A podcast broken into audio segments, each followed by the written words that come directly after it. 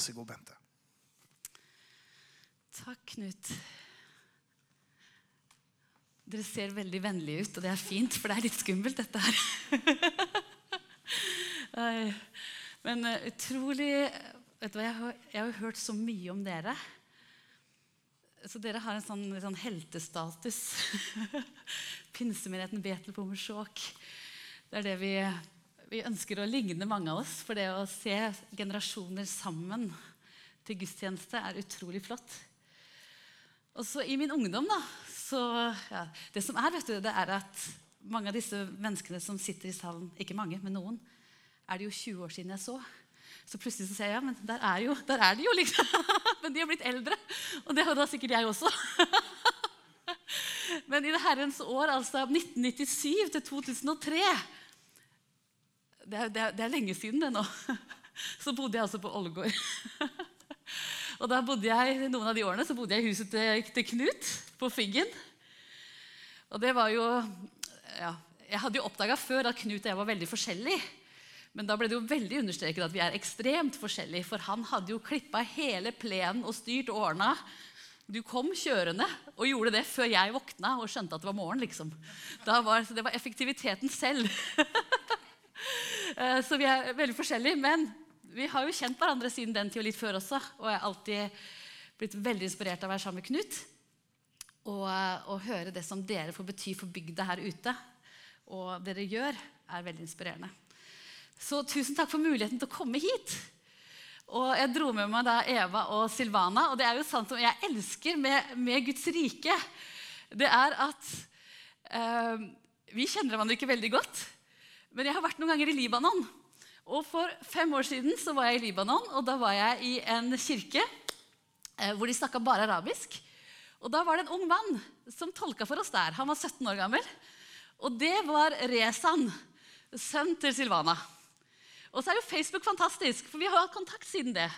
Så når de da fikk mulighet til å flytte til Sandnes eh, i september, så har vi hatt kontakt.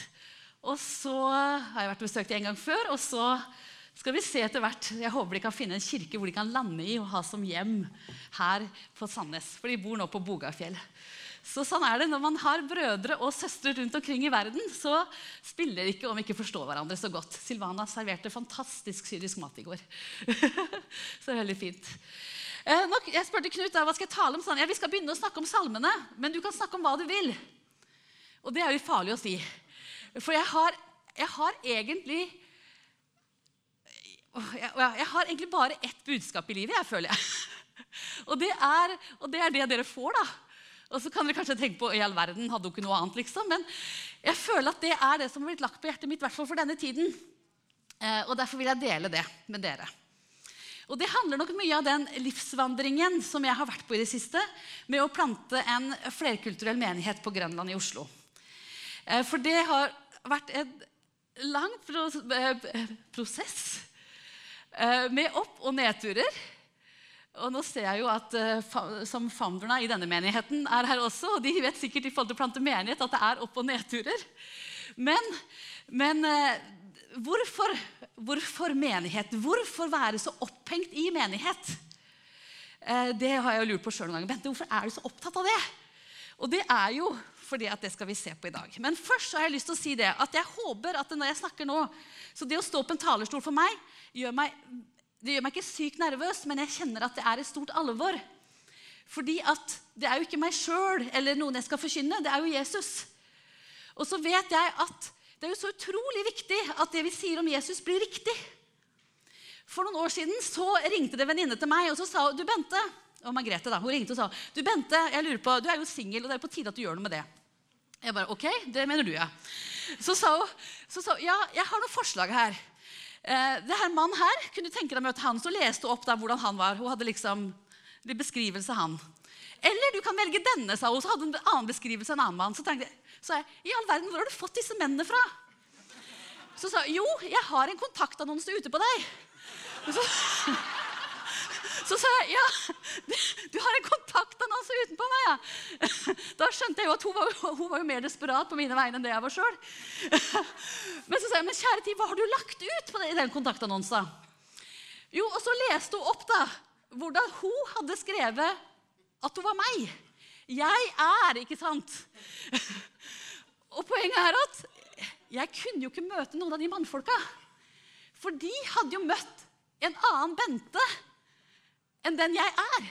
For det var jo ikke grenser på hvor sporty jeg var, og hvor mye jeg likte, og hvor mye jeg likte turer i fjell og mark, og hvor jeg likte å ha det hyggelig hjemme med kaffekopp. Og det sto jo ingenting om at jeg elska fullt hus og stormende jubel og store middager, liksom.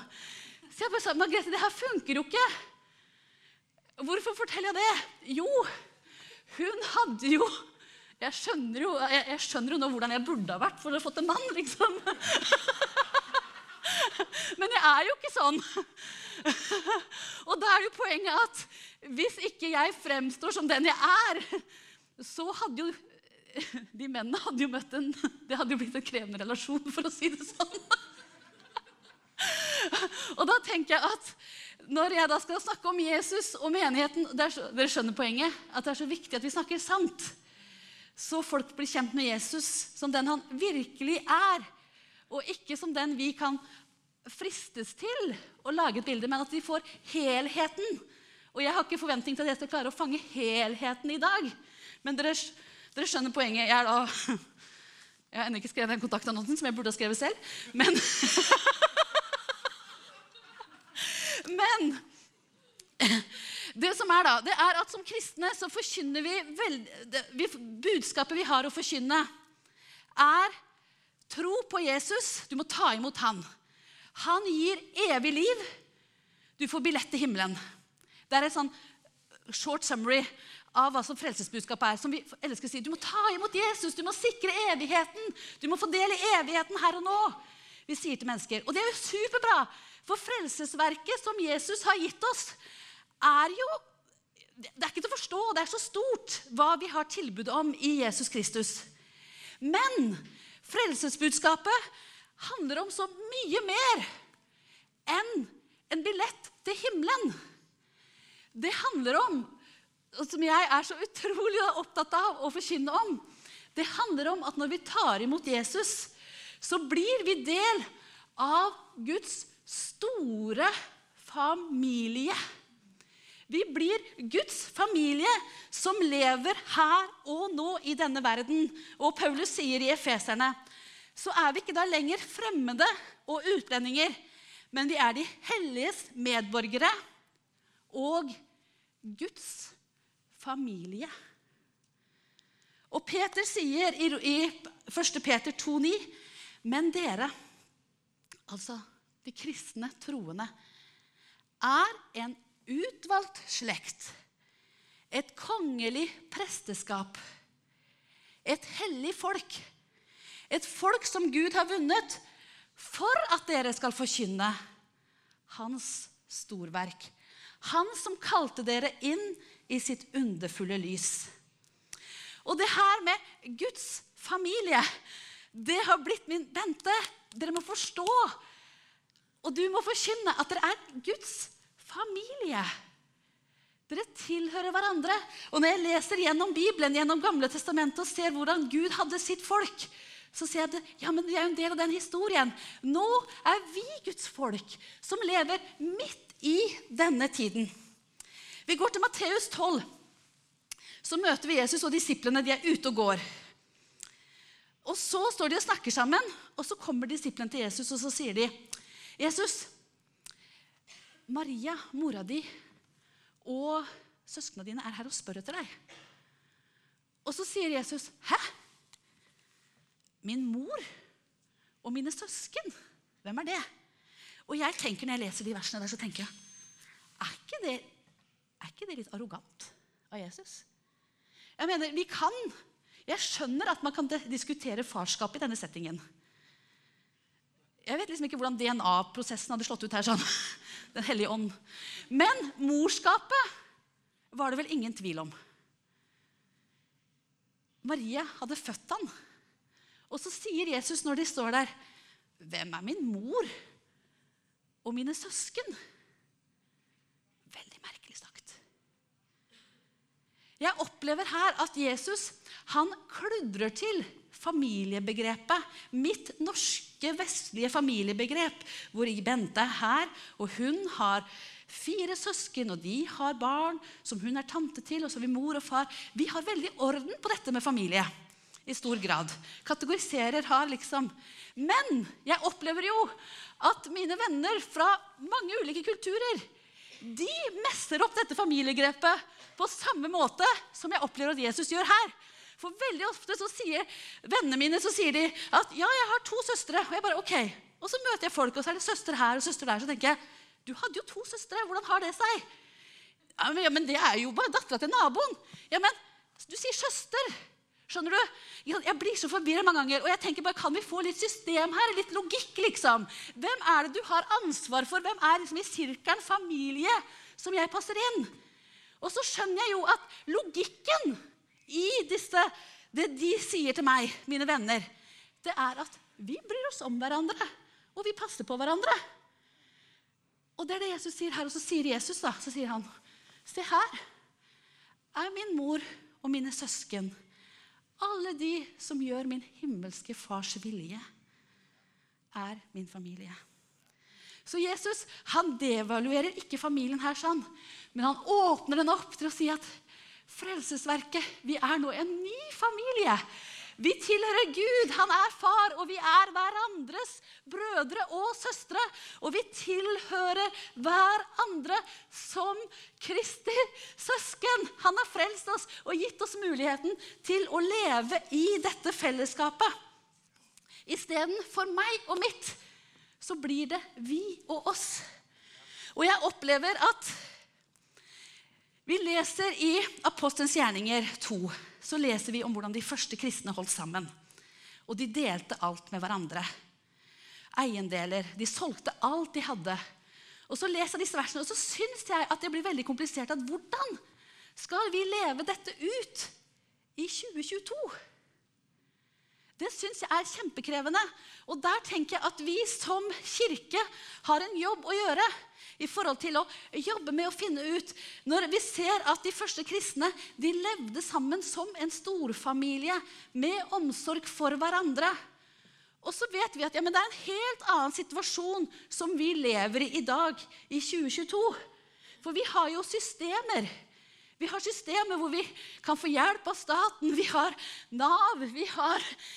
Men det må jo ikke ødelegge for at ikke, for at vi ikke lever som en familie. Men vi må finne ut hvordan ser familien, kirkefamilien, Guds folk, ut i denne tiden. Og jeg husker at dette her er flaut å si. Men når vi skulle starte Homechurch i Oslo, så husker jeg jeg satt på Filippinene hos våre venner Edith og Wenche. Og så sa jeg noe. Jeg kan ikke skjønne at det går an å være så dum. Men jeg, for jeg liksom lurte på, Hva skal liksom være vårt bidrag inn i Oslo? liksom? Hvilke mennesker skal vi bry oss om? Så hadde jeg jobba med rus tidligere, så tenkte jeg skal jeg gjøre det, liksom? Hadde ikke helt fred for det.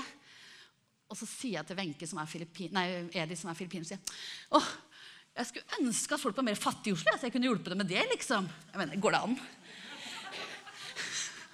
Det er helt utrolig idiotisk. Men poenget var som jeg tenkte, hva er det vi kan bidra med for å bety en forskjell? liksom? Og Det sier jo bare hvor galt bilde jeg hadde av verden. For det er jo ikke at jeg skal bidra med. Det er jo ikke det det handler om. Men så kom jeg hjem til Oslo og fikk det bare rett i fleisen. Og alle ting så åpna jeg avisen Vårt Land. Og det, jeg burde selvfølgelig sagt at jeg åpna Bibelen. Men jeg åpnet Vårt Land. Og så bare fikk jeg det rett i fleisen at det var en lege som hadde, skrevet, som hadde et intervju, og så skrev, sto det Folk, sto det med store bokstaver, Folk trenger noen å snakke med. Og så tenkte jeg er det så enkelt? Folk trenger noen å snakke med. Og Da fortalte den legen og nå vet jo ikke jeg sannhetsgehalten i dette, da, men det var jo et intervju, men at halvparten av konsultasjonene påsto han da, han hadde, handla ikke om sykdom, men det handla behov for å bli sett og ha noen å snakke med. Og så blir jo det en sykdom etter hvert. Men der og da så var det bare akkurat som øynene mine åpna. Vi leser om at liksom, skjell falt av øyne og sånn. Men akkurat som bare Er det sant? Og jeg tenker at ja, i denne verden som vi lever i, i Norge i 2022, så har vi systemer som hjelper oss med bolig, vi har eh, systemer som hjelper oss med penger. Men det er systemer. Det er ikke varme og nære relasjoner. Det er ikke søsken som bryr seg om hverandre. Nav inviterer ikke til et middagsbord. Nav inviterer ikke til familieferie. Nav inviterer ikke til bursdagsselskapet igjen og igjen og igjen. For du tilhører Vi er familie som tilhører hverandre. Og vi som er oppvokst i et av verdens, eller kanskje verdens mest individualistiske samfunn, vi trenger hjelp til å finne ut av hvordan lever vi som Guds folk i denne tiden på Hommersåk i dag. For kirka er ikke en aktivitet vi går til. Kirka er familien vår, som vi lever i sammen med. Og vi er hverandres brødre og søstre. Og det utfordrer meg i forhold til hvordan jeg bruker huset mitt, i forhold til hvordan jeg bruker tiden min, i forhold til hvordan jeg bruker pengene mine, i forhold til hvordan vi ser på hverandre. Vi er ikke, Om vi ser ulikt på ting, så er vi ikke fiender. Vi er søsken som må prøve å forstå hverandre. Og så vet jeg at familiekonseptet kan være svært krevende. Og det vet vi mye om i denne tiden. Det fins mange brutte relasjoner. Det fins mye fiendenskap. Det fins ting som vi bare lar ligge, for vi orker ikke. Og jeg tenker at Hvis du kjenner at vet du hva, familie har jeg bare fått nok av, for det har bare vært problem hele veien, så tenker jeg at det trenger vi tid og hjelp til å bearbeide og til å jobbe med. For ja, familie her på jorden kan være krevende. Og vi er ikke snille mot hverandre som mennesker, dessverre. alltid. Det ser vi i denne verden. Men det vil ikke si dermed Og til og med Guds familie kan jo være hard med hverandre. Men det må ikke ødelegge for det vakre som Gud har skapt. At vi er gitt til hverandre som søsken. Og når vi da leser Paulus Jeg blir bare gang på gang så tenker jeg, Paulus, hva er det du holder på med? For når han skriver brevene sine, så er det mine kjære søsken. Mine kjære søsken. Brødre og søstre. Det går igjen gang etter gang i det Paulus skriver til, til um, de kristne, de troende. Elsk hverandre inderlig som søsken. Sett de andre høyere enn dere selv. Og jeg tenker at vi trenger å omprogrammeres i forhold til det livet vi lever. For vi er kalt til å være et annerledes folk som lever i denne tiden. Og Derfor er det så vakkert, og jeg vet at Betel Hommersjok også er et bilde på det, at vi er sammen selv om vi er så ulike. For det som forener oss, er ikke at vi er like men at vi er frelst av nåde av Jesus. Og dette fellesskapet og hvordan det skal se ut, det trenger jeg hjelp av mine søsken fra andre kulturer til å forstå. For hvem er det som oppdrar meg og lærer meg om hvordan Guds rike er? Så sier ikke jeg alt, at alt fra deres kultur er bra. Men det er mange av våre nye landsmenn, som vi elsker å kalle det, som kommer fra fellesskapskulturer som ligger mye tettere på den bibelske kulturen enn det vårt samfunn gjør. Og hvem er det som lærer meg om sjenerøsitet, om inkludering, om å embrace det, altså omfavne? Det er jo mine søsken som har så begrensa ressurser, men som vet hva det vil si at vi trenger hverandre. Og vi trenger hverandre kanskje ikke først og fremst fordi at vi har behov for mer penger, men fordi at vi også er mennesker med andre behov. Som handler om tilhørighet, som handler om anerkjennelse, som handler om å høre på hverandres smerte og dele hverandres sorger og bekymringer. Men det er like viktig som disse fysiske behovene. At vi møter hverandre på de. Så da tenker jeg at når vi møter de fantastiske versene i Kolosserbrevet og Nå har jeg rota så i papiren min at jeg finner ikke her. Men ikke Kolosserbrevet, Galaterne, sier jeg. Så ser vi Paulus skriver til galaterne. Så skriver han i Galaterne 3,28.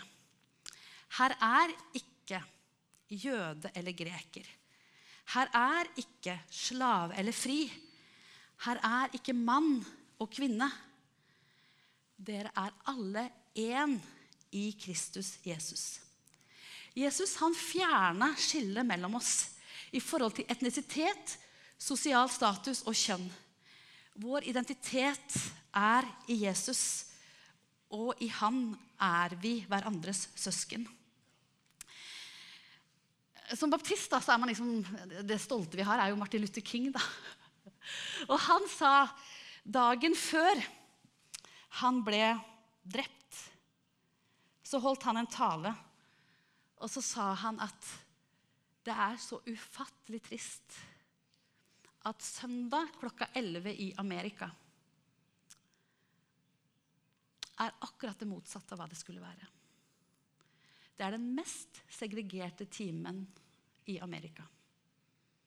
Når de kristne møtes til gudstjeneste. Da sitter de oppdelt etnisitet.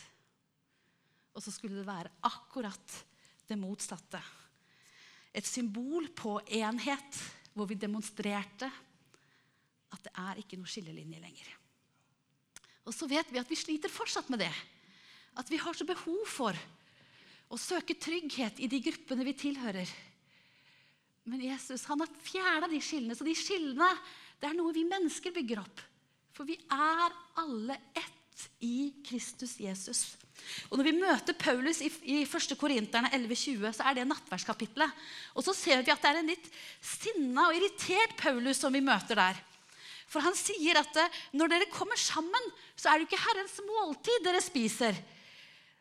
De har nok av brød og vin. Problemet er at gudstjenestefellesskapet reflekterer samfunnsstrukturen i Romerriket. Hvor det var høy og lav hvor det var de rike og de fattige. De var oppdelt. De kjennetegna ikke det kjærlighetsbåndet som skulle være mellom de som søsken i Guds rike. De fattige og marginaliserte som hadde fått livet sitt forvandlet av evangeliet. De hadde opplevd Guds nåde. De hadde opplevd at de gode nyhetene tilhører meg. Men de ble ikke inkludert i fellesskapet. Og jeg kjenner meg utfordra til at hva er det våre menighetsfellesskap preges av? De som kommer til tro, blir de del av og opplever de menigheten som en stor familie som bygger på andre verdier? Eller signer de bare opp for en ny aktivitet? Og Det kan høres veldig banalt ut når jeg sier det, men realiteten er jo at det fins og sitter mange mennesker hjemme som sier at ja, men jeg tilhører jo ikke noe sted. Og der har vi et radikalt budskap om at Jesus Kristus' død oppstandelse handler om at du blir en del av et nytt fellesskap, Guds familie. Og det budskapet må ikke bare prates, men det må leves ut i ord og handling i vår hverdag. Så folk opplever og ser at dette Guds folket, det er annerledes. Og det er et sted hvor mennesker kommer og får være som de er. Ja, de er ikke perfekte, for det blir vi ikke. Men vi lever sammen pga. det Jesus har gjort. Og vi er hverandres brødre og søstre. Som Guds familie er vi sendt ut i verden for å demonstrere dette. Og er det noe denne verden vi lever i, trenger? Gode nyheter handler evangeliet om. Og gode nyheter er du tilhører, du er frelst inn i ny familie, du er Guds barn, og vi er hverandres søsken. Og det er vi kalt til å leve ut i praktisk handling i våre liv og demonstrere det i vår hverdag som vi lever ute i uka vår hver eneste dag. Det er en fantastisk privilegium og utfordring, for det brytes hele veien med det som er normen i samfunnet. Men å få lov til å prøve å ta skritt ut og se Vet du hva? Gud, hva har du? Hvordan skal jeg leve? Ikke å sammenligne med andre, men å prøve å dykke ned i Guds ord og si ja, men hva er prioriteringene dine, Gud? Å få lov til å leve som det. Og oppleve Guds velsignelse i det hver eneste dag. Og få se at nye mennesker blir lagt til, og familien blir bare større og større. Og vakrere og vakrere. Fordi at vi er hverandres søsken. La oss be sammen.